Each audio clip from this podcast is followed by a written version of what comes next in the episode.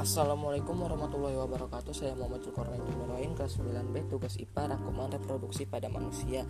Penyakit alat reproduksi AIDS adalah penyakit yang berkaitan dengan penurunan kemampuan pada tubuh. Tubuh punya sisi imun yang nantinya akan melawan bakteri yang masuk ke dalam tubuh. Maka sistem imun tubuh itu akan melawannya Sehingga tubuh kita sehat-sehat aja.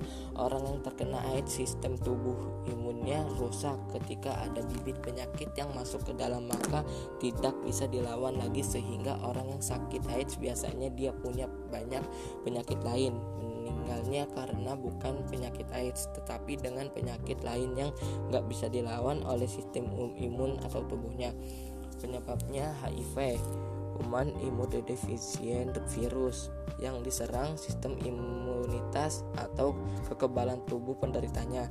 Ciri-cirinya adalah pada kurun waktu 5 sampai 7 tahun Semula penderita seperti orang sehat-sehat, namun makin lama kekebalan imunnya semakin menurun, makin mudah diserang.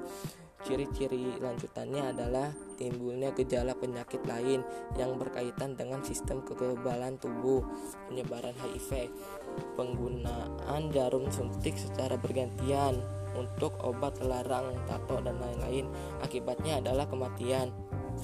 2. Gonorea gonore atau penyakit kencing nanah.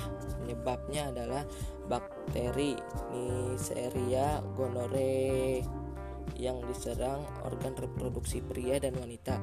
Ciri-cirinya adalah rasa sakit dan keluar nanah saat kencing pada laki-laki. Kalau pada wanita terjadi keputihan berwarna kuning hijau pada perempuan penularan pergaulan bebas gara-gara hubungan seksual yang terjadi tanpa ikatan pernikahan. Akibatnya adalah rasa sakit lagi kencing kebutaan pada bayi yang baru lahir. Ini adalah rangkuman dari saya. Wassalamualaikum warahmatullahi wabarakatuh.